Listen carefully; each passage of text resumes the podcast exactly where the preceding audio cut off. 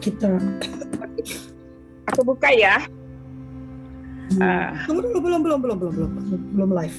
Tulisan live-nya ada tapi belum belum eh belum bunyi, belum Belum. kelihatan. Ah. kita. Oke, ya silakan. Tete buka Oke. atau kita nanti Tete eh, ini loh ya moderator loh ya. Ya ya ya.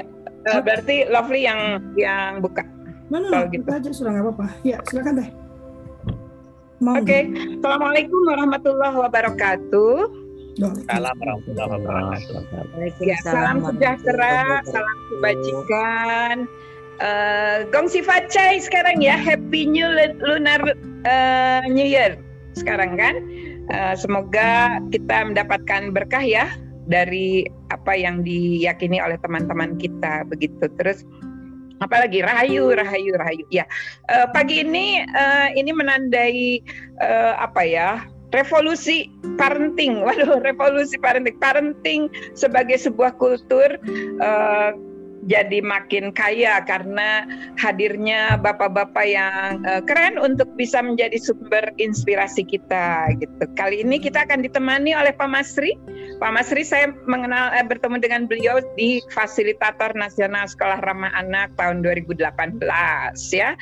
Eh, beliau akan membagikan topik eh, mengajar dengan cinta. Ah, jika sebelumnya eh, hari Minggu lalu saya dan Lofi bicara tentang eh, apa itu pendidikan anak merdeka bermutu tanpa kekerasan mulai dengan mendidik dengan cinta. Nah, bagaimana mengajar dengan cinta itu bisa dilakukan oleh bapak-bapak? Wah, menginspirasi semua para lelaki, para ayah untuk bisa mengasuh anak-anak dengan eh, mengajar dengan cinta. Kepada Pak Masri dipersilakan. Ya terima kasih Bu Yanti, Bu Lovely dan uh, Bapak Ibu semua. Assalamualaikum warahmatullahi wabarakatuh. Waalaikumsalam warahmatullahi wabarakatuh. Saya cukup terdengar ya Mbak Lovely, uh, Mbak Yanti. Nah, cukup Jelas, ya. jelas. Ya, eh, pertama perkenalkan kalau sehari-hari biasa dipanggil Pak Mas. Jadi kalau panggil Pak Mas itu kan sesuatu yang sangat tinggi sekali nilainya ya. Karena. Mas itu sudah berapa? Sudah tiga juta, sudah hampir menembus 3 juta per masnya gitu. Per gramnya ya.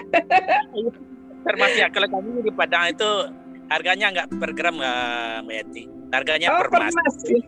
Satu Oh, mas namanya per- setengah gram. Dua setengah gram satu emasnya. Wah, Gitu. baru tahu ya. Oh iya. Jadi kalau di sini nggak populer ditanya berapa satu gram tuh nggak tahu orang mbak. Tapi kalau, Jadi kalau mas kawin, kalau mas kawin dihitungnya per mas ya. Berapa Iya. per mas gitu ya? Iya. Wah, asik banget. Mau lah. Jadi punya menantu orang Padang. transaksi eh, berapa eh, harga eh, tanahnya mau dibangun mau dibangun rumah gitu. Harganya dihitung dengan emas. Misalnya 10 Oh, emas. 20 emas gitu. Gitu. Wah, ini ini Ah, ini kultur baru eh, yang baru kita ketahui ya, Vi ya. ya. Wah, silakan. Jadi kalau Bu. Yanti nanti mau ngontrak kebun misalnya itu nggak dihargai dengan uang, tapi dihargai dengan satu tahun untuk berapa emas. Kalau rata-rata di sini, ya rata-rata dua dua emas gitu. Dua emas Wah, berarti Jadi merinding karena emas seingat saya dulu waktu mau nikah itu cuma 25.000 per gram. Sekarang itu emas per gram sejuta lebih ya. Kebayang nggak, Wi? Bapak Ibu, aduh berharga sekali kita. Lanjut Pak, ini memang Eh, jadi gini Bapak Ibu, ini lebih banyak berbagi pengalaman ya. Saya itu mulai mendidik itu semenjak tahun 91. Eh, oh, udah putra ya. Iya, udah lama sekali. Makanya sekarang sudah ubanan gitu. Eh, jadi ada suatu eh, apa namanya suatu inspirasi waktu itu. Eh, gimana ya untuk menciptakan kedekatan kita dengan anak didik di sekolah atau kita dengan anak ternyata dalam perjalanan waktu ketemulah yang namanya eh, mendidik dengan cinta itu awal-awal 90-an tuh sudah sudah dapat gitu. Jadi eh, ilustrasinya begini. Satu ketika kalau nggak salah itu tahun se- 1993. Jadi anak-anak kelas 1, jadi saya itu sudah 15 tahun itu mengajari kelas 1 loh Pak. Nggak naik-naik kelas Pak. Uh, bukan nggak naik kelasnya. kalau laki-laki itu kalau guru kelas 1 itu biasanya sangat Iya, banyak. Sangat. Biasanya itu ibu itu. Iya, Karena iya. kata Pak Gepli dan Bu Yanti tadi biasanya yang paling tinggi itu kan ibu-ibu ya. Betul, betul. Biasanya begitu. Tapi ternyata saya udah minta naik kelas, kata kepala sekolah, Anda itu gagal untuk naik ke kelas 2, jadi tetap naik kelas 1. gitu. Wah, menarik.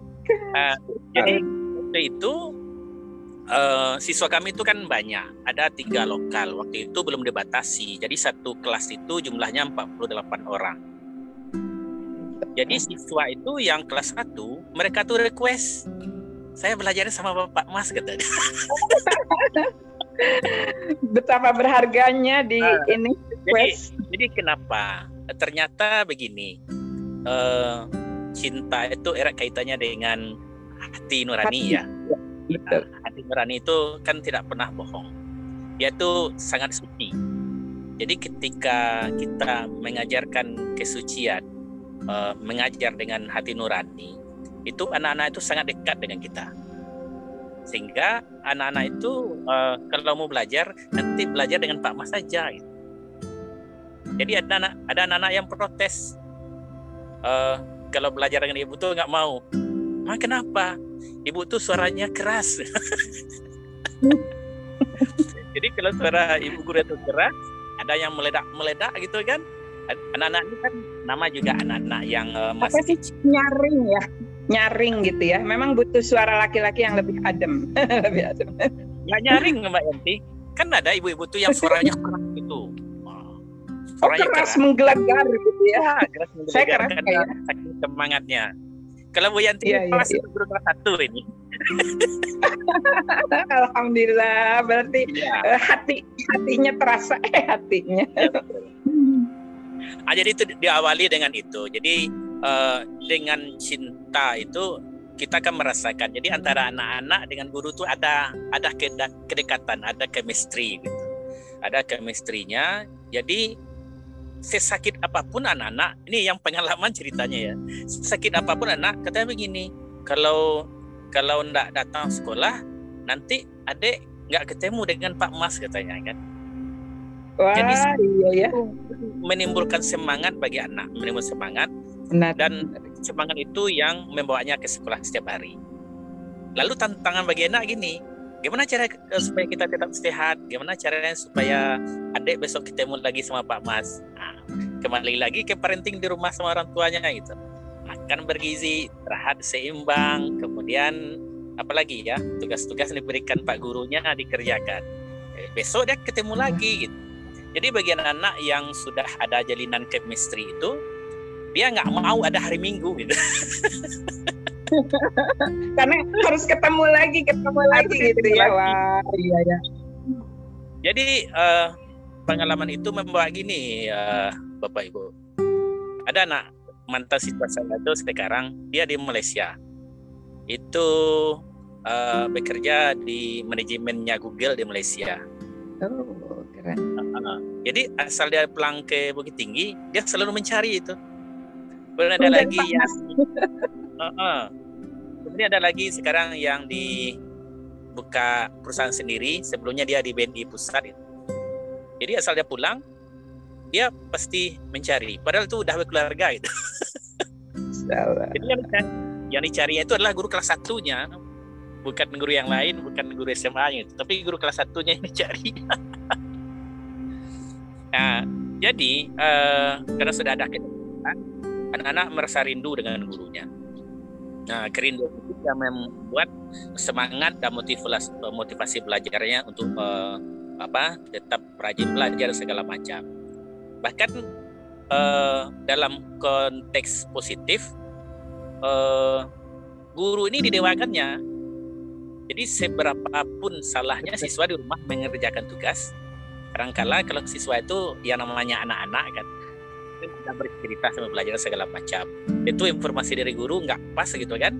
Artinya siswa salah menerima informasi di sekolah. Tapi tiba di rumah, walaupun betul yang dikatakan orang tuanya, dia bilang ah papa mama bodoh ini katanya pintar tuh pak guru Padahal. Tapi memang itu Pak Pak Pak Mas, aduh jadi Pak Mas saya manggilnya ya. Anak-anak itu begitu masuk ke SD, udah konsep kebenarannya tuh dari gurunya. Apa pun yang dikatakan gurunya, apalagi guru kelas 1, wah itu Pak. Apalagi guru kelas 1 ini mendidik dengan cinta, wah sudah deh. Segalanya udah tiga kali lipat. Lanjut Pak. Terus yang ketiga gini, uh, salah satu cara untuk mendidik dengan cinta buat kegembiraan uh, anak didik untuk belajar. Jadi anak didik ini bukan hanya di sekolah, di rumah juga gitu.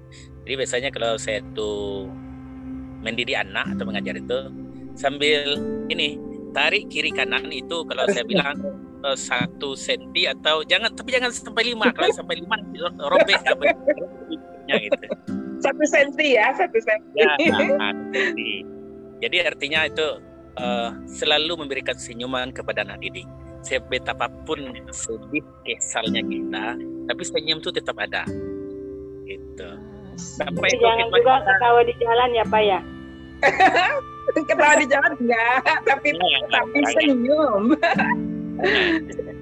jadi uh, pengalaman ini pernah saya berikan uh, Bu Yanti untuk SRA di SMK kemarin. Itu SMK itu kan gurunya keras-keras semua itu. Hmm. yang senyum itu kalau senyum itu katanya nanti kita dimakan oleh siswa. Aduh. Kasihan sekali ya Pak ya. Aduh, pagi-pagi udah lalu, pasang wajah tegang. Lalu, lalu saya minta ini, uh, saya latih itu ada sesi dua hari. Uh, gimana cara senyum? Dari dari kiri kanan dua senti. Kalau nggak bisa setengah senti aja lah cukup. Ternyata guru-guru yang keras itu bisa senyum kok. ya iyalah tapi asal mau menarik asal mau menarik satu senti kiri kanan ya. Oke. Okay. smiling of the tapi jangan tapi jangan ke bawah tariknya saya bilang. Kalau ke atas ke bawah nanti itu namanya mencemooh gitu. Nah, jadi artinya ada kedekatan antara uh, pendidik atau guru atau orang tuanya di rumah dengan anak. Kadang-kadang kita kan juga tidak bisa memungkiri uh, kadang-kadang kita punya beban ada punya masalah gitu kan kadang-kadang masalah itu terbawa gitu. Ketika mendidik gitu. Ketika mendekati anak itu terbawa gitu. padahal masalah itu kan bukan masalah anak didik masalah kita kan? Betul betul. apa pun eh, beratnya masalah yang senyum itu tetap diberikan. Itu itu, itu, itu ciri ciri profesional ya pak? Profesional yang, hmm, yang itu uh, bumbuilah ketika kami mendidik itu bumbui dengan kesenangan biasanya kalau anak-anak didik itu dia senangkan dengan happy happy yang gembira. Salah satu bentuknya adalah bernyanyi. Hmm. ayo dong pak. Lagu lagu Bukit Tingginya dong pak untuk anak kelas satu. Gini bukit tinggi kotorang agam ya amu nanti lah tanpa musik nih kalau kan biar biar kita gembira. jangan ambil bulu. Jumat gembira Jumat gembira Pak. Ayo dong Pak nyanyi Pak. Tapi gini Mbak Yanti. Itu ya. selalu dikaitkan. Kalau sekarang di sekolah-sekolah itu kan ada namanya tema. Tapi jujur hari ini sudah sudah sudah ada sebenarnya. Semangat uh, pembelajaran tematik sekarang sudah ada dari dulu. Jadi kita kaitkan. Setiap ada pelajaran itu dikaitkan nyanyinya apa yang cocok gitu. Kalau berhitung ah, kreatif banget gurunya. Tiap hari tiap hari bikinnya lagu baru sesuai tema berarti ya. Jadi kalau belajar itu satu bilang satu sampai lima nyanyinya balonku ada lima misalnya kan? Ah gitu. Jadi uh, dalam apa dalam ingatan anak itu dia belajar gembira dalam ingatannya itu fresh semua gitu tanpa ada beban. Coba kalau sekarang oh itu dipelototi ini satu, ini dua gitu kan. Iya benar. Angka-angkanya ditunjukin gede-gede gitu ya. Oh iya ya, betul. Uh, jadi selalu selalu anak-anak itu gembira. Kemudian uh, yang ke enam, uh, anak-anak itu selalu kita rangkul uh, kesulitannya apa. Hmm. Jadi jangan sekali kita marah sama anak, apalagi kalau kelas-kelas awal. Terus sekarang cenderung kan begini, oh gimana sih ini aja yang mudah kok nggak bisa gitu tapi ini ternyata di pendidikan barat Pak sana parenting. itu sudah sudah jauh maju dari kita gitu. Tahun 2015 saya ke Adelaide. Adelaide itu eh, coba bayangkan seorang kepala sekolah kalau menyambut siswanya itu. Jadi kalau kepala sekolah kan tinggi ya, rata-rata orang tuh lebih dari 2 meter tingginya. Siswa kelas eh, SD itu rata-rata mungkin eh, sekitar 150 atau kurang lah. Jadi Tinggi dalam sekolah arti tubuhnya tinggi ya Pak, hampir 2 meter. Wah. Iya, tubuhnya tinggi kan. Jadi kalau menyambut siswa itu sang kepala sekolah dan guru ini nunduk. Jadi dia nunduk ini menyamakan eh, pandang matanya sama dengan siswa tadi. Jadi Luar biasa ya. Kelihatan bahwa kepala sekolah atau guru itu begitu sayang sama anak didiknya. Ya. Kalau, kalau kita budaya kita kan kalau salaman pastilah kita nggak mau nunduk.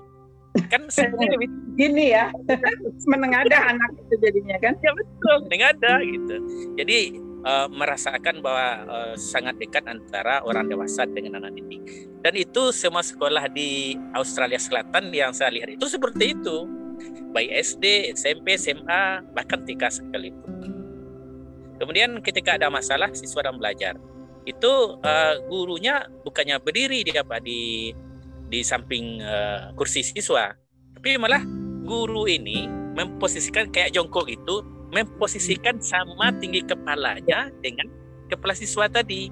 Jadi semacam apa ya?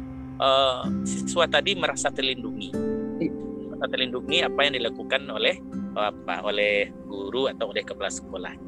Nah, kita berharap ini juga diadopsi Bu Yanti. Bu Yanti nih yang yang apa? Ini termasuk ya. salah satu Fasnas SRA sudah melakukannya kan tanpa henti. Iya. Kemudian yang keberapa lagi Bu Yanti? Yang ketujuh ya? Setuju. Sebentar Pak, ada ada banyak tamu kita eh, sekarang dan eh, yang luar biasa banyak laki-laki. Ada dua bagus di sini, ada Pak Bagus Satria Budi, ada pengabdian Bagus Kisworo. Ada Pak Barudin, ada Kak Wiwin Heriani, ada Bu Sri Renani Pancastuti, ada Yani Mulyani, Kevin Eleazar, Mbak Dini, Pak Hasan Hamid Safri, ya ada ada eh, Pak Irwan, eh, Iya, Pak eh, Bu Astatik, Pak Yohanes, oh, ada Pak Bagus, Bu Rodia dan eh, Bunda Siti. Selamat pagi semuanya. Selamat pagi, selamat berjumpa lagi. Wah, Gua iya, sudah putih ya. mirip ya, suara butir ya. Oke, itu ada ada Pak Bagus, Pak Masri, teman kita. Ayo Oh, Pak, iya. sekarang yang ketujuh, tapi saya lupa satu sampai enamnya Pak. Ayo di di ini dulu refresh dulu Pak. Satu apa, Ya. dua apa, tiga apa, lima apa. Nah, jadi enam baru masuk ke tujuh Pak. Ayo Pak, Ah. satu. Nggak boleh di- nggak boleh diulang lagi, nggak boleh di fresh. Berarti Bu Yantinya nggak serius. Bapak, ini kan banyak yang baru Pak. Ayo Pak, banyak yang baru. Ibu Lopuri juga ketinggalan itu baru masuk ya. Oh, Lovely yang paling duluan. Oh, Bro. Ayolah Baik, Pak, kasihan yang baru masuk Pak, Jadi mengajar dengan refresh ya. cinta. Nah, kita refresh. Jadi kita refresh walaupun nggak sama urutannya. Jadi mendidik dengan seni itu eh, ada chemistry dengan apa? Dengan anak. eh, kemudian mendidik dengan nurani, karena nurani itu sifatnya suci, dia nggak pernah bohong. Jadi eh, kenapa banyak orang sekarang berbuat kejahatan? Pada dasarnya orang tuh orang baik. Eh, kenapa dia berbuat kejahatan? Karena sudah terpengaruhi dengan kondisi di dunia. Nah, ini ada, ada tadi lupa tapi nah, ada ilustrasinya nih Bu Yanti Ma Lovely. Eh, seorang seseorang berjalan di trotoar, kemudian dia lihat ada segepok uang 100 ribu masih diikat. Lalu kata nuraninya, eh itu uang siapa? Kemudian detik berikutnya orang ini berpikir, oh ini kan lagi bokek, lagi nggak ada pulsa, baru kan lagi lapar. Kemudian uang yang segepok tadi diinjak dulu, diinjak dulu lihat orang sekeliling, lihat orang sekeliling, oh ternyata nggak ada orang yang lihat. Terus sambil jongkok, duit yang diinjak tadi diambil masuk dalam saku. Kan mumpung sekarang pulsa lagi habis, paket data nggak ada, ya udah diberikan pulsa gitu. Padahal nurani itu adalah suci. Pertama itu mereka akan berpikir, eh ini uang siapa? Pasti ini bukan hak saya. Tapi karena terpengaruh dengan kondisi-kondisi, maka nurani itu sudah terkontaminasi gitu dengan dunia ini. Baik lanjut. Ada kasih sayang mengajar dengan apa? Dia nyanyi, ada chemistry. Iya. Terus ada yang merangkul, ada gembira, uh, merangkul masalah anak. Oh iya, nah, akan udah tahu Yanti itu, udah tahu ya. Tahu lah, apa sambil di sambil diketik Khawatir bagus, bagus, bagus. Katanya, karena katanya menulis itu mengikat makna kita, jadi ya. ditulis lagi. Oke, yang ketujuh Pak. Baik, kemudian yang ketujuh begini, uh, Bapak Ibu. Uh, Pak, adanya... tapi ini sebentar, tapi uh, ini sebenarnya sudah habis waktunya. Tapi Bapak ada berapa lagi Pak? Setelah tujuh ada berapa? Oh, Oke, okay. tujuh ya. ya. Oke, okay, silakan Pak. Jadi yang uh, yang terakhir itu adalah uh, jangan sekali-kali kita itu menyamakan siapa kita dengan anak. Ini kan ambisi ya. Bapak Ibu, saya pernah mendidik anak yang kata orang tuanya Anda anak bodoh. Hmm. Mengapa? Dia punya saudara sepupu. Satu dia di Prancis. Karena bapaknya dosen di Prancis. Hmm. Yang satu di Jogja. Karena bapaknya dosen di Jogja. Yang satu bapaknya dosen di UI Lalu ketika reuni lebaran, ini anak ini kan bertanya, Abang ranking berapa? Ranking satu. Kakak ranking berapa? Ranking satu. Kemudian si adik ini dia nggak dapat ranking apa-apa. Apa kata orang tuanya? Eh kamu ini anak bodoh. Tengok tuh saudaramu juara-juara semua. Karena dia mengibaratkan dengan semuanya itu. Padahal anak itu kan punya apa perkembangan uh, irama perkembangan sendiri-sendiri. Lalu orang tuanya minta tolong, Pak Mas, tolonglah bantu gimana cara ini. Malu saya sama saudara-saudara katanya kan. Lalu uh, saya minta, kalau gitu biar saya bantu. Tapi konsekuensinya begini, kasih saya satu ruangan untuk belajar bagi anak ini, kemudian saya treatment gimana mendidik dengan cinta tadi. Coba Bapak Ibu bayangkan, anak yang dicap bodoh itu sekarang dia ada di mana? Prancis. Eh, Prancis. Itu bapaknya yang Prancis ya? Ah, Bayanti dia ngambil masternya itu di Prancis bu. Tuh benar Prancis kan? Master uh, sistem informasinya di Prancis, Pak bayangkan. Wah, luar biasa. Yang disebut kata orang tuanya bodoh ya. Ya, tadi ya. betul. ya. Makanya nggak boleh labeling ke anak ya. Nggak boleh di label karena belum tentu ketika dia di uh, uh, umur umur awal atau di SD itu kita cap karena dia belum termotivasi untuk belajar segala macam tapi begitu coba bayangkan saudaranya yang katanya juara itu sekarang belum apa-apa gitu. Nah, itu yang kayak itu juga Yanti. Mudah-mudahan kita semua terima kasih wah luar biasa ya Bapak Ibu semua please semua. Ya terima kasih Pak Masri. Ini luar biasa ya karena ternyata untuk mengajar dengan cinta itu paling tidak ada tujuh hal. Saya ingatnya sih e, gembira karena memang kejeniusan dilahirkan dari kegembiraan ya Pak. Tapi bukan bukan kata Einstein itu Pak.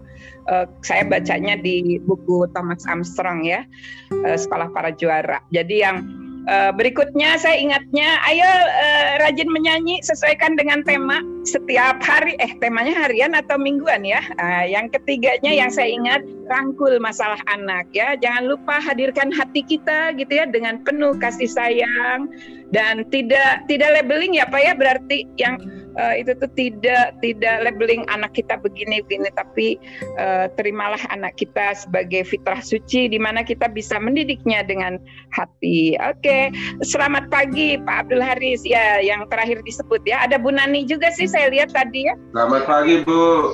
Ya senang sekali. Silakan kalau ada yang uh, mau apa bertanya atau berbagi bagaimana tips-tips praktis kita ini kita kan uh, dalam kultur parenting pagi ini menghimpun praktek baik ya. Bagaimana praktek-praktek baik ini kita kenali ciri-cirinya agar mudah untuk di, diduplikasi mudah untuk diteruskan mudah untuk dilakukan sesuai dengan uh, kultur yang ingin kita bentuk uh, di dalam keluarga kita. Jadi silakan di sini wah kehormatan buat kita ya Lovely banyak bapak-bapak di sini. Pak Irwan, Pak Bagus, Pak Bagus. Nah, silakan kalau ada yang mau disampaikan. Ibu-ibu, Bu Rena, Bu Rodia, Bu Wiwin, Bu Yani, Bu Nuraini, Mbak Dini, Bu Astatik, silakan. Pak Bagus, ada yang mau disampaikan Pak? Pak Yohanes?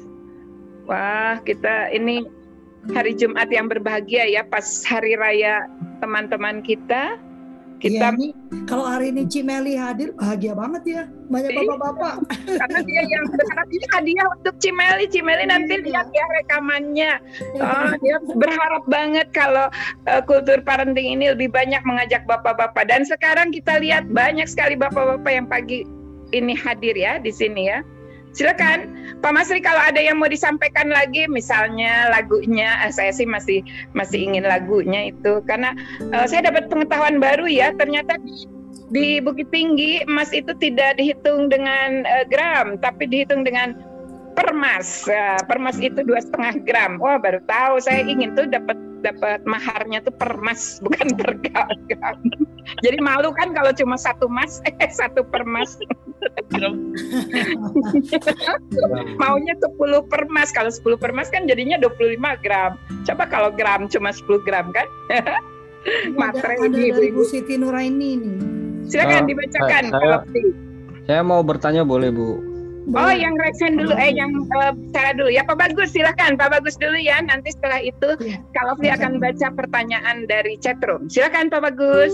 Mohon maaf kalau Feli ya biar ada diskusi ya. Oh, sebentar, tiga bagus berarti kita ya. Baru sadar saya. Triple bagus. Silakan. Oh, begini Pak, Bu eh, dan Pak Masri sebagai narasumber. Ini saya terlambat karena tadi masuk untuk setting laptopnya terlambat ini. Masuknya juga susah. Mohon maaf, tapi saya ada ini eh, ada kegalauan dalam diri saya sebagai orang tua gitu ya, terutama eh, orang tua laki-laki.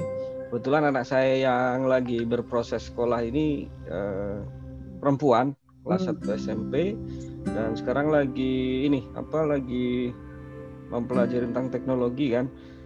Nah kebetulan banyak PR, banyak tugas dan kebetulan anak saya itu di disuruh jadi ketua eh, ketua kelas dan hampir gantikan posisi gurunya untuk urusan administrasi ya ini nyebelin kayak gitu. Selalu itu Pak, ketua kelas tuh. Oh, anak saya juga gitu katanya. Malah jadi saya, saya, saya hanya berpikir nih kalau orang tuanya nggak paham teknologi terus kayak apa gitu.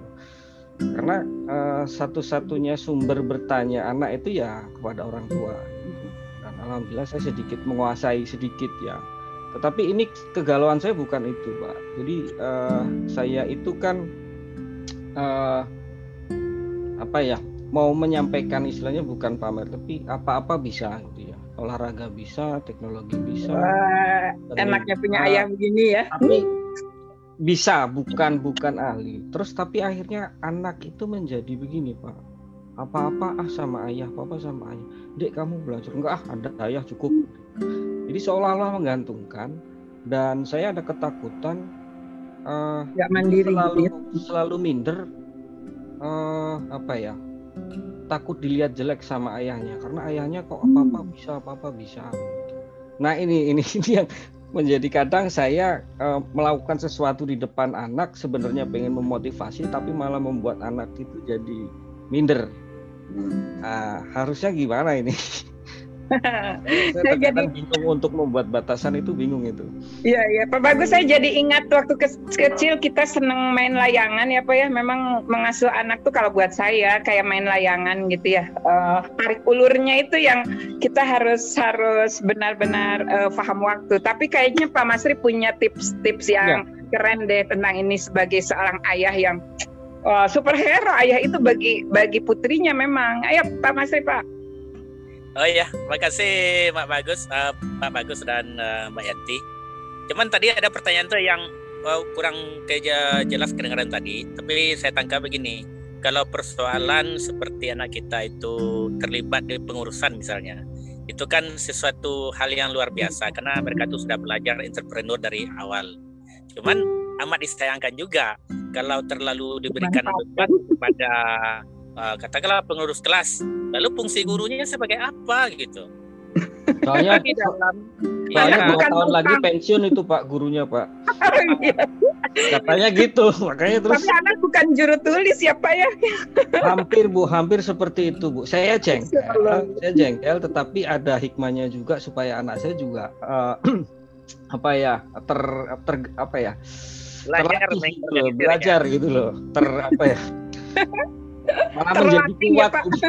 Terlatih. Jangan Dan- Pak, dia berhak untuk bilang bilang ada batasan di situ. Ayo Pak, Pak Masri, bagaimana nih kita tarik ulurnya dalam parenting sebagai ayah gitu ya, ketika eh, eh, putri kita ini jadi melihat sang ayahnya tuh serba bisa dan dia cenderung jadi ah udah deh mengandalkan ayahnya aja gitu. Nanti kalau ada apa-apa ayahnya, ayahnya, ayahnya. Putrinya kelas berapa Pak Bagus? Satu SMP Bu satu SMP Oh itu memang eh, belum lah. Ayo ya Pak, silakan eh, Pak Masri Pak. itu lanjut yang tadi. Kita juga miris kalau mesti ada pendidik yang seperti itu. Jadi Pak Bagus, kalau guru yang demikian, berarti saya bisa dalam tanda kutip ya, itu belum bisa jadi guru gitu. Baru belajar. Eh, tapi udah mau pensiun Pak Masri. Walaupun jadi belum apa, belum bisa dipanggil sebagai guru gitu. Karena yang untuk menjadikan guru itu kan mesti orang-orang yang profesional. Hmm. dasarnya ada Undang-Undang 20 2003, ada 14 2005 tentang undang guru dosen, ada 74 2008 gimana harusnya sebagai seorang guru itu. Kemudian banyak aturan lain, misalnya kalau di Permenpan 16 2009 eh, kalau mendidik anak itu seperti apa. Jadi banyak sekali Bapak Ibu. Jadi kalau eh, idealis saya banyak kalau saya bilang eh, sambil bercengkrama dengan kawan kalau saya jadi menteri pendidikan banyak nih guru yang mau dibuang gitu. Kenapa? itu dikembalikan.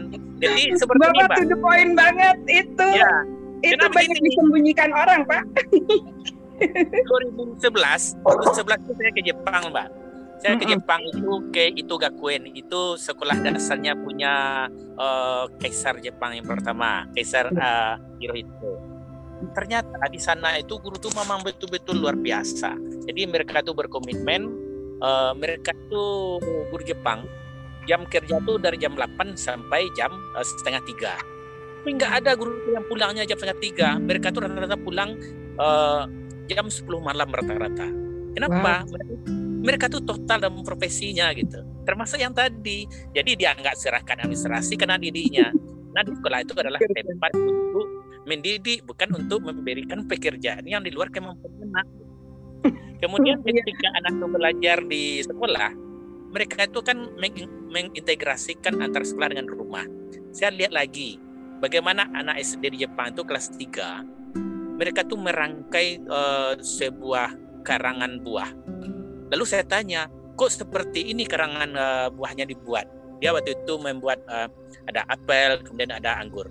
Kok seperti ini dibuat? Biar aja lah ditaruh di piring, saya bilang kan. Oh tidak, katanya. Karena orang tua saya sudah susah-susah mempersiapkan saya dari pagi subuh sampai menjelang sekolah. Jadi ini saya buat di sekolah, nanti saya bawa pulang, saya serahkan sama orang tua karena bukti cinta saya karena dia telah mempersiapkan dari eh, malam sampai pagi mempersiapkan pakaian, makanan segala macam. Itu kan luar biasa, secara filosofisnya luar biasa. Kenapa itu tidak kita terapkan gitu? Ah, kita kembali ke guru nih.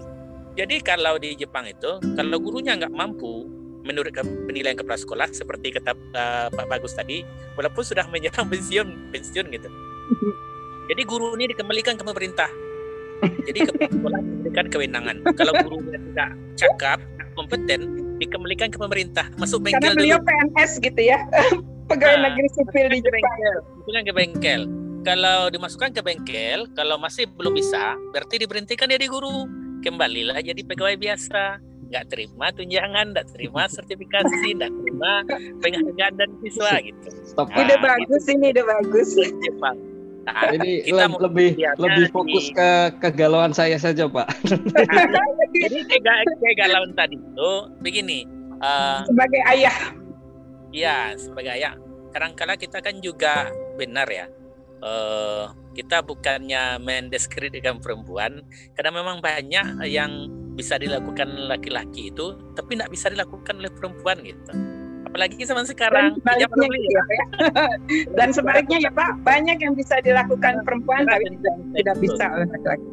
kemudian bicara tentang kesempatan kerja dan dan eh, kemampuan bapak-bapak ini memang benar Eh, hanya saja mungkin kita eh, komunikasikan dengan eh, di rumah gitu Eh, kalau ini sebenarnya maminya bisa mengapa harus sama ayah gitu atau jangan maminya karena sudah eh, bapaknya Superman ini super bisa semua ya udah sama bapak sedikit bapak sedikit bapak gitu. Jadi artinya kalau menurut saya itu solusinya adalah mana yang bisa dilakukan oleh mamanya ya kita arahkan sama mama jangan dihandle terus nanti jadi kebiasaan gitu. Ah, jadi ah, gini komunikasi kita di rumah ah, sebenarnya Pak Bagus. Eh, kalau kita tuh super bisa jangan dihandle semua. Walaupun kita yakin ini oh ini saya bisa semuanya. Tapi jangan di dihandle jangan selalu dihandle gitu. Karena nanti eh, walaupun sekarang masih SMP suatu saat nanti anak-anak eh, akan terbiasa bahkan sampai dewasa. Nah, contohnya sekarang Pak Ibu. Eh, kalau saya dulu itu di kelas di SD itu sudah bisa mandiri semua. Cuci masak segala macam. Tapi sekarang anak kita yang udah tamat udah kuliah mereka tuh nggak bisa apa-apa kenapa? Karena selalu dilayani. Jadi kata kuncinya adalah selalu dilayani. Kenapa tidak aja anak itu oh ini adik kan bisa sendiri. Kalau nggak bisa nanti baru dibantu. Ah gitu. Jadi kita berikan kesempatan kepada anak untuk berbuat sampai batas maksimalnya. Kalau tidak bisa baru kita uh, terjun. Jadi konsepnya adalah jangan jadi Superman dan berikan kesempatan kepada anak untuk berbuat. Karena gini, eh, yang sering terjadi adalah eh, daripada daripada. Kalimatnya adalah daripada daripada. Daripada terlambat daripada gagal daripada nanti nggak sesuai dengan harapan orang tua. Ini kembali yang tadi Mbak Yanti ya. Ah, karena ah, apa keinginan orang tua nih eh, daripada nanti hasilnya nggak bagus ya udah biar papa yang bikin gitu.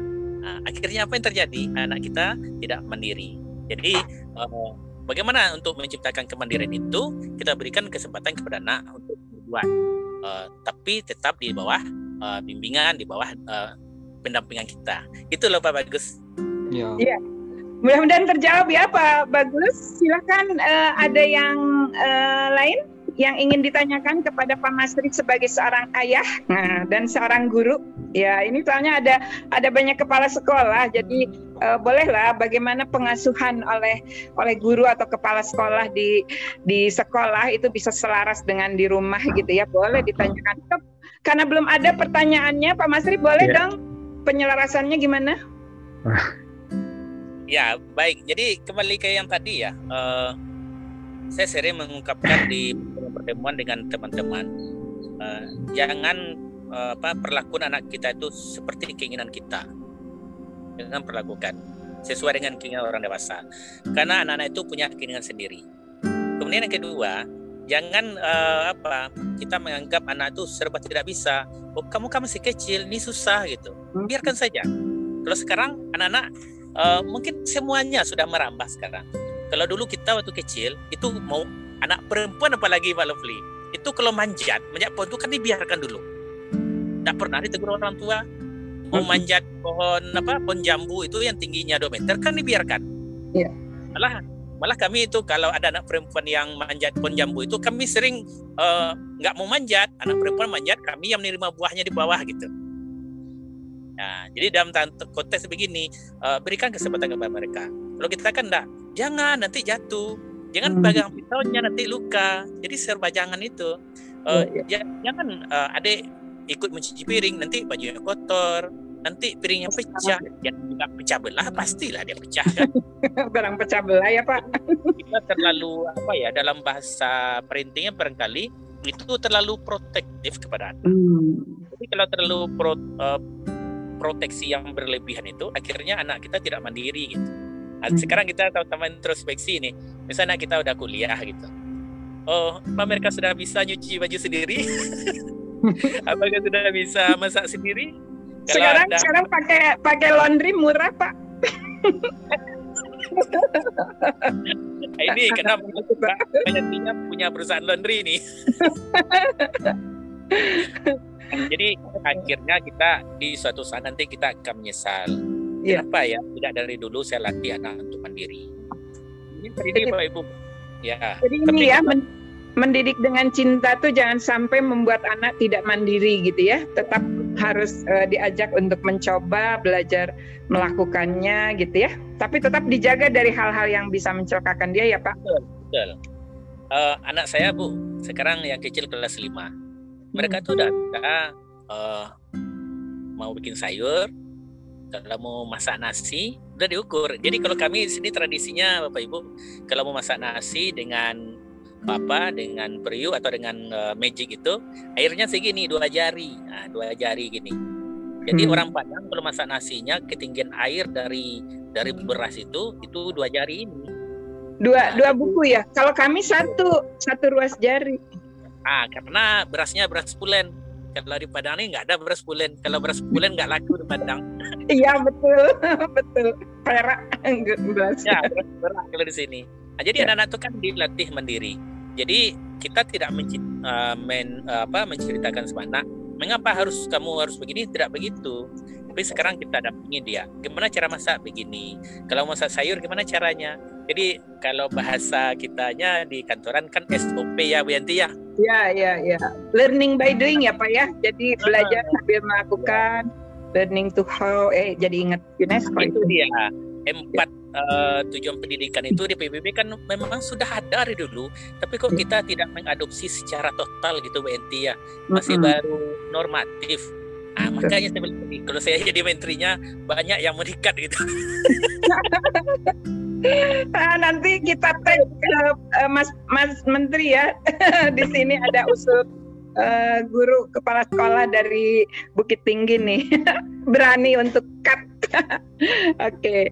Eh, ini kita kita sapa yang baru ya. Eh, selamat bergabung nih meskipun tinggal 9 menit lagi Kak Joanna, Kak Sapura Aulia, Bu Yeti Eka, Bu Nining, Pak Salim, Kak Zarfa, Nur Fajrina, Pak Mukti, Isra. Wah, meskipun terlambat, nggak apa-apa ya. Nanti kita nyambung di IG Live. eh, Mama Radel atau Yanti Kerlip karena eh, cici kita Cimeli sedang merayakan hari tahun baru Imlek. Eh, kita ucapkan selamat tahun baru Imlek ya untuk yang merayakan. Oke, kalau ada yang eh, mau ini menyampaikan sesuatu pengalamannya aja eh, siapa ada ada dua bagus lagi nih yang belum bicara. Pak Bagus Satria Budi, silahkan Pak. Sudah unmute. Ya, apakah suara saya didengar? Terdengar, terdengar, Ya, terdengar. Cuma wajahnya nggak ada ya. ada. Silakan Pak. Ya, jadi begini, saya memperhatikan eh, bahwa guru itu profesi adalah profesi vokasi, Vokasi ya. ya, berpraktek. Jadi sekarang ini salah kata juga apa IKIP berubah jadi universitas. Hmm. Ya, Jadi terlalu dulu- umum gitu ya Pak ya. ya Jadi- terlalu jadi- umum. Mm, Jadi lebih diutamakan vokasinya seperti tadi diucap Pak Masri itu. Itu Ya, ya. semua vokasi. Iya iya Cuman- SPG itu kayak SMK keguruan gitu ya Pak ya. Iya, iya. Jadi sebetulnya pelajaran yang paling utama adalah humaniora. Humaniora. Bagaimana memperlakukan manusia itu sebagai makhluk yang berbudaya. Makanya semua yang menyebabkan dia akan tertarik itu yang harus dipegang oleh guru. Jadi bukan untuk memaksakan, melabel apalagi gitu ya. Tidak boleh itu. Justru yang harus diutamakan adalah mengapresiasi. Kita tahu bahwa humaniora itu mulai dari organnya, ya kan, tentu otak dan kesarapannya. Kemudian psikonya itu adalah fungsinya dan behavior itu adalah hasilnya. Nah, ini sebetulnya sudah diterapkan oleh Ki Hajar Dewantoro. Ya. Ya kan? Tetapi kenapa kita selalu tidak mengarah ke sana? Ya kan ada tiga itu. Turi Handayani, Ingat Ngarso. Sulodo, Yo Bang Karso terus yang Dayan. itu. Nah, seperti itu. Jadi ini adalah vokasi itu sebetulnya, ya humaniora. Dan harusnya guru-guru ini mengerti soal ini. Jadi betul kata Pak Masri itu sebetulnya belum lulus sebagai guru dia. Meskipun udah mau pensiun ya. Iya, betul mau pensiun.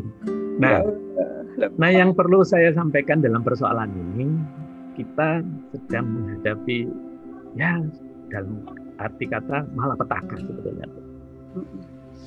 Karena ketidaktahuan masyarakat mengenai humaniora ini, ya kan. Nah, seperti Dikbud sendiri membuat apa suatu institusi yang namanya Autis Center ya pusat Autis Center ya kan? Nah itu kan pelabelan. Padahal autis itu adalah DSM disorder hmm. statistik manual. Dan itu harus dirahasiakan nggak boleh diumumkan. Iya nanti labelingnya kuat ya pak ya? Ya jadi institusi itu ber menyebabkan tidak ada orang yang mau datang ke sana. Takut di label betul betul itu kan udah dibangun dengan miliaran ya kan Wah ya ini kan? ini ini penting banget Pak karena uh, kita dulu kan memperjuangkan agar lapas anak itu tidak disebut uh, apa sih itu penjara anak tapi tempat ya. membina tadi membina, agar tidak ya. tadi ya Pak sama. Iya. Jadi betul itu Bu. Jadi label ini dihilangkan lah itu kan di Undang-Undang Perlindungan Anak kan nggak boleh itu label, ya, ya. Kan? Jadi itu putas, pusat otis center itu salah itu. Padahal itu dulu dirjennya adalah psikolog, dirjen pautnya, ya, ya kan? Ya mestinya harusnya mengerti itu ya. Kenapa sampai muncul itu? Harusnya solusinya adalah pusat penyelarasan kognisi. Karena kognisi itu ada delapan yang harus diselesaikan di tingkat TK. Keseimbangan motorik kasar, motorik halus, daya tangkap, daya balas, bicara bahasa, ya, perilaku dan sikap, dan terakhirnya kemandirian sosial. Jadi anak itu bermain di TK itu, bukan diabstrakkan. Ya, kalau humaniora. Nah, ini kan diabstrakkan, dicalistungkan tanpa yeah. melihat bendanya, ya kan? Kemudian buku-bukunya kan pakai bu, apa buah buah apa namanya buat pir dua buah pir ditambah tiga buah pir. Padahal Pirnya nggak ada di sini. Pirnya tidak ada di sini. Yang ada Jadi, di sini apel malang. Nah, harusnya yang ada di sini buah sawo yang mirip kan. Nah, itu yang dipakai. Nah, ini saya kira guru-guru itu nah, harus belajar humaniora dulu baru bisa masuk menjadi guru. Mungkin kurikulumnya di IKIP itu harus ada itu. Betul kata Pak Masri. Kalau kalau perlu Pak Masri jadi rektornya IKIP. Jangan jadi kepala sekolah aja ya Pak. iya, jadi rektornya IKIP. Berani untuk mengkat. Mm merubah, jadi dirubah itu. Saya yakin anak-anak itu kalau sudah matang di apa keterampilan kognisinya baru di SD diabstrakkan. Jadi SD jangan lagi tes calistung jangan. Ya. Tesnya adalah keterampilan kognitif. Pak tes calistung ya, ya, kecuali ya, yang nakal. Dan jadi saya saya sebagai praktisi saya ini dokter tapi mempraktekkan itu saya megang salah satu SD swasta untuk dites itu. Luar biasa. Jadi saya jadi saya tahu TK mana yang baik mengajar anak didik. Ada datanya, saya punya datanya di sekitar Boleh, sekolah itu. Boleh Pak berbagi Pak. Aduh, ya. kami kan tahun lalu melakukan ya, itu, Pak. ya. Itu Pak, itu itu penting tadi kata-kata Bapak bahwa dalam dalam bermain itu anak belajar paling tidak delapan uh, kecakapan dasar ya untuk kognitif yeah. ya. Yeah. Dan ini yang perlu di, dikuasai oleh eh, anak-anak istimewa kita yang disabilitas yeah. ya, bukan di iya. label yeah. disabilitasnya tapi uh, penguatan uh, kognisinya yang di, yeah. disamakan yeah. paling tidak kognisi dasar ya. Oke. Okay. Iya. Yeah. Keren jadi banget, Pak. Ya, jadi sehingga anak-anak TK itu terkoreksi disorders-nya hmm. tadi ya, yang ya. misalnya autis itu terkoreksi di TK gitu. Karena dia disorder ya, di, ya. disorder uh, statistik M-nya ya. apa Pak lupa? Manual. Manual. Manual. Ya. Jadi itu okay. mengenai diagnosa-diagnosa itu ya, ya, yang ya, harus ya. dirahasiakan. Saya kira itu Bu ya. Oh terima okay. kasih, ya, terima ya. kasih Pak Bagus nih uh, bagiannya kapan uh, kalau Fli bulan depan ya, ya kita gali lebih. Beliau ada waktunya bulan depan. Oke, wah. Ini kita tinggal satu menit lagi, Pak Masri. Ada closing, oh, Pak. Silakan. Yang, yang disampaikan uh, Pak Bagus tadi, malah karena saya juga terlibat di uh, tutorial untuk BGSD PAUD dan TK Pak Bagus. Iya. Hmm. Kayak dosen lah gitu, dosen-dosenan. Nah kan calon rektor Pak itu di PGSD paling tidak. Sejak uh, tahun 2015 untuk uh, calon guru-guru TK atau PAUD. Malah saya berkeinginan untuk menyatukan bagaimana pola pembelajaran di TK itu dengan di SD. Jadi ada berkelanjutan. Di TK itu kan semua anak-anak itu menyenangkan semua. Tapi ketika di SD kita dicocoki dengan harus begini, harus begini, harus begini begitu. Makanya saya berani makanya tadi banyak yang belum lulus jadi guru gitu. Apalagi yang malah di tahu ya, nggak tahu di SD malah lebih tegang ya gurunya ya. Harusnya lebih gembira Bu, karena PAUD itu kan sampai usia 8 tahun. Kalau sudah SRA enggak, kalau sudah SRA enggak Bu. Belum tentu. Kita harus bina terus. Oke, okay. Pak. Ada lagi yang yang kedua apa Pak? Yang kedua, oh, kita juga sangat sayang dulu kan ada namanya SPG. Saya lulusan SPG, Bu, Sekolah Pendidikan oh, Iya. Kalau pendidikan guru. Kita tuh mempersiapkan itu selama dua tahun untuk mengajar. Selama dua tahun. Itu praktek ya. di depan. Praktek depan kelas selama dua tahun. Kelas 2 dan kelas 3. Itu vokasi ya, keguruan itu ya berarti ya.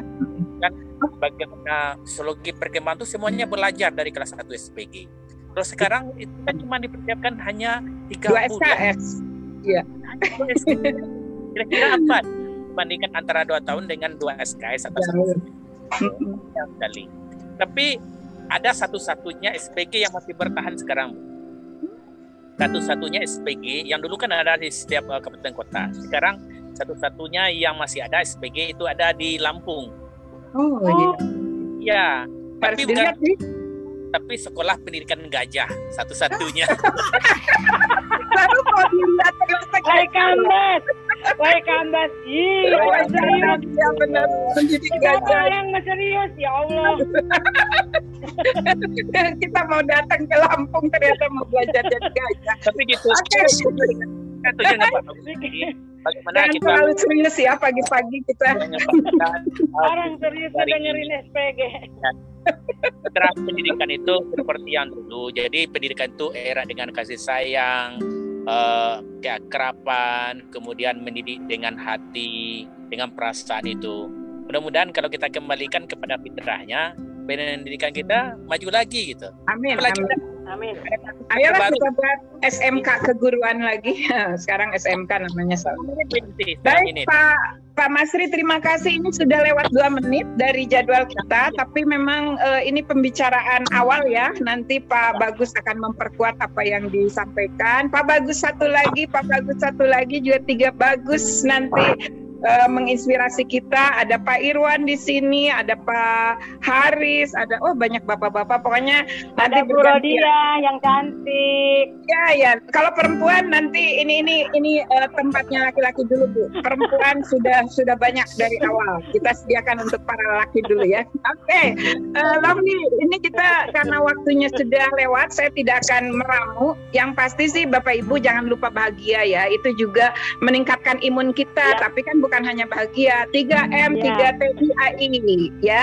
Iman, aman, imun. 3M-nya jangan lupa Pak, Bu. Biasanya suka lupa pada saat eh, foto bareng langsung dempetan buka masker ya sudah gitu kan 3T-nya juga jangan lupa Bapak Ibu jangan ragu untuk dites dulu sebelum ikutan kegiatan di luar kota gitu ya Eh, juga harus tahu siapa aja yang kita temui siapa yang berdekatan dengan kita tuh harus tahu Pak Bu jangan sampai kita ada satu menit dua menit berdekatan dengan orang kita nggak tahu orang itu apa. Nanti kasihan eh, Satgas COVID-19-nya untuk mencari ya ini siapa kontak eratnya gitu ya. Kita kita makhluk sosial Bapak Ibu jangan biarkan sebelah kiri kanan kita yang eh, mendekat itu mendekat gitu tapi tanyakan dia siapa gitu kan. Karena nanti kalau mendekat ternyata dia OTG ke kita juga oh, kita harus harus cari lagi kontak eratnya. Oke, eh, silakan eh, Lovely dua menit ya kita closing dan beralih ke IG live. Silakan Vi.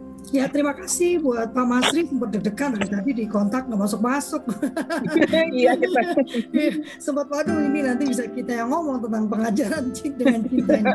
Uh, tapi uh, saya uh, salut sekali ya uh, bahwa ternyata uh, masih ada harapan gitu banyak guru yang memahami bahwa ini bukan sekedar bicara uh, akademik gitu kan, tapi ini sedang membangun apa ya membangun peradaban kalau menurut saya. Jadi tugas sebagai guru itu tugas yang sangat mulia karena membangun peradaban. Saya juga sepakat dengan Pak Bagus ya dan Pak Masri, uh, jangan-jangan parenting itu sebenarnya juga harusnya vokasi gitu ya. Hmm. Uh, cuman uh, bagi saya vokasi itu tidak ada gunanya kalau filosofinya tidak dipahami gitu kan. Uh, Pak Masri bisa bercerita bahwa vokasinya dapat Pak Masri karena filosofinya benar-benar dipahami dan benar-benar di, diselami gitu kan bahwa pendidikan ini tidak bicara tentang menyiapkan anak bisa menjawab soal gitu Pak Masri tadi menyampaikan kan bahwa ada eagerness to learn yang harus dipelihara pada anak-anak ini gitu kan. Uh, orang tua juga perlu memahami bahwa kita ini bukan sedang melakukan uh, apa ABC kasih makan kasih sekolah gitu kan dikasih gadget yang bagus selesai gitu. Tapi ada tugas filosofis yang lebih lebih dalam daripada sekedar itu bahwa kita sedang itu tadi membangun peradaban gitu kan. Kalau peradaban yang kita miliki ini dianggap tidak sesuai tidak bagus ya jangan lalu mengalir gitu kan jangan lalu mengarus begitu kan. Uh, tapi kita bangun peradaban yang baru karena selalu mengubah orang dewasa tuh jauh lebih sulit lebih baik mengubah anak-anak. Itu juga yang saya lakukan. Mengapa? Pak Masri dua anak saya itu tidak bersekolah Pak Masri. Dua anak saya itu homeschool dari awal gitu kan. Karena saya pikir sangat berat sekali saya harus melawan arus uh, yang yang sudah mainstream kan oh harus menyenangkan guru, oh saya harus kasih hadiah sama guru, oh dia harus nurut terus nggak boleh protes gitu kan. Sementara saya ingin menciptakan peradaban baru gitu kan. Anak-anak saya ini harus mengatakan ya pada saat dia, tidak pada saat tidak, baik dan e, buruk, dia harus berani katakan karena saya ingin menciptakan Indonesia yang baru gitu kan. E, jadi itu dulu kak. Tapi andaikan saya tahu ada guru-guru seperti bapak gitu kan, mungkin ya e, saya bergabung dengan Bu Yati gitu kan ngoceh terus. saya berfokus pada anak saya. Saya juga sepakat dengan tadi uh, uh, apa uh, apa saran ke Pak Bagus gitu kan. Kadang-kadang ini memang kita sebagai orang tua sebetulnya kita nggak mau malu. Jadi kalau anak kita gagal, kita nggak mau anak kita gagal karena nanti disebut ibunya bapaknya gimana gitu. Kalau saya jadi bapak, saya nggak akan ajarkan anak saya. Biarkan nanti dia ngomong ke gurunya saya nggak bisa pak, gitu kan? Saya nggak bisa bu, gitu kan? Ya kan? Jadi nanti gurunya yang harus cari tahu gitu gimana cara ngajarnya. Sekarang ini memang kayak telur dan ayam gitu kan. Gurunya akhirnya mengandalkan orang tuanya karena orang tuanya nggak mau malu. Kalau saya dari dulu waktu anak saya masih di sekolah, saya nggak ajarkan PR biarin aja nilainya buruk gitu kan. Kalau terus gurunya manggil saya sama lelah dia nggak ngerti di sekolah masa saya mesti ngajarin lagi gitu kan. Apalagi anak saya kan berkebutuhan khusus ya. Nah dia harus diajarkan dengan cara yang khusus gitu ya anak yang pertama kan. Akhirnya saya keluarkan dia dari sekolah. Ini pagi ini menarik sekali ya perspektif guru dan perspektif orang tua iya. dipadukan ya kan dipadukan. Ini ini satu yang menarik dan saya bahagia sekali walaupun lambat datangnya tapi jadi banyak. Uh, rupanya perspektif laki-laki ya, saya tuh sebenarnya nggak suka ya membagi dua antara laki-laki dan perempuan tuh saya tidak suka. Karena saya ibu tunggal Pak Masri? Kalau saya bagi dua wah mati kutu saya. Ya kan? Uh, kita ketemu lagi uh, hari Senin uh, dan Rabu dan Jumat uh, jam oh ini masih masuk terus ya jam 7.30 sampai jam 8.30 untuk kultur parenting. Memang sengaja kami mengundang banyak uh, narasumber tidak memberikan topik gitu kan. Karena kalau sudah memberikan topik maka perspektif kami yang bersuara ya. Uh, tapi kalau topik itu dibebaskan silakan berbicara maka nanti akan terbentuk sebuah budaya. Orang tua bisa memilih ke, uh, metode atau cara mana yang paling pas yang sesuai dengan budaya yang mereka kembangkan di rumah mereka masing-masing. Kami percaya bahwa budaya itu luhur ya budaya itu luhur. Maka tidaklah kita mengubah satu budaya tapi kita memperkaya budaya tersebut. Atas nama personal uh, kami mengucapkan terima kasih atas nama uh, kami bertiga karena kami bertiga nih Pak. Ada Kultur Metamorfosa Indonesia, ada Perkumpulan Keluarga Peduli Pendidikan dan Menata Keluarga milik Kak Meli Kiong. Uh, saya mengucapkan terima kasih yang sebesar-besarnya. Saya terharu karena yang mau mengisi sekarang saya nggak usah cari-cari berdatangan gitu kan. kan saya Ini yang hadir di sini sini bergantian. Iya, berbagi ya. Oh siap mbak gitu. Padahal yang awal-awal uh, saya harus mengandalkan jaringan Teh Yanti dan Cik Meli itu untuk mencari uh, pembicara. Saya bahagia sekali bahwa sekarang dipahami bahwa kita benar-benar harus membendung orang tua dengan parenting. Anda bisa temukan ini di YouTube, tapi juga Anda bisa temukan ini di podcast di Spotify atau di Google Podcast ya. Jadi setelah ini saya akan convert menjadi uh, voice, lalu saya masukkan ke podcast supaya teman-teman yang nggak sempat atau sibuk nggak bisa nonton YouTube bisa sambil mendengarkan. Ya Pak Bagus, nanti bantu saya mencari platform lain ya Pak Bagus Kisworo ya. Uh, saya tahu Bapak ini kan canggih di urusan kayak gitu tuh. Bantu kita mengepung ini semua supaya karena menurut saya kita ini darurat parenting. Jadi harus kita kepung orang tua dari sudut mana pun dia bisa belajar tentang parenting. Sampai ketemu lagi di Instagram Live. Silakan gabung di Yanti Kerlip atau Mama Radel. Biasanya ada mantan keluarga tapi hari ini tidak. Kembali saya ucapkan uh, Happy New Year, Happy Chinese New Year, Gong Sifat Choi untuk teman-teman yang merayakan gitu kan. Damai di bumi, damai di surga seperti damai di surga ya. Terima kasih sampai ketemu lagi di Instagram Live. Uh, sampai ketemu lagi hari Senin. Baik kita foto Terima kasih kasih semuanya. Nanti Cimel, Cimelinya marah nggak ada foto. Ayo foto dulu. Silakan. Ya. Foto dulu. Uh, Pak Barudi, Pak Irwan, ayo dong. Bapak-bapak tolong dibuka kameranya Pak Didi. Terima kasih sudah hadir kembali. Satu senti ke kiri, satu senti ke kanan. Iya, Pak Wahyu, oh juga. iya, so iya Pak Masri dengan gayanya.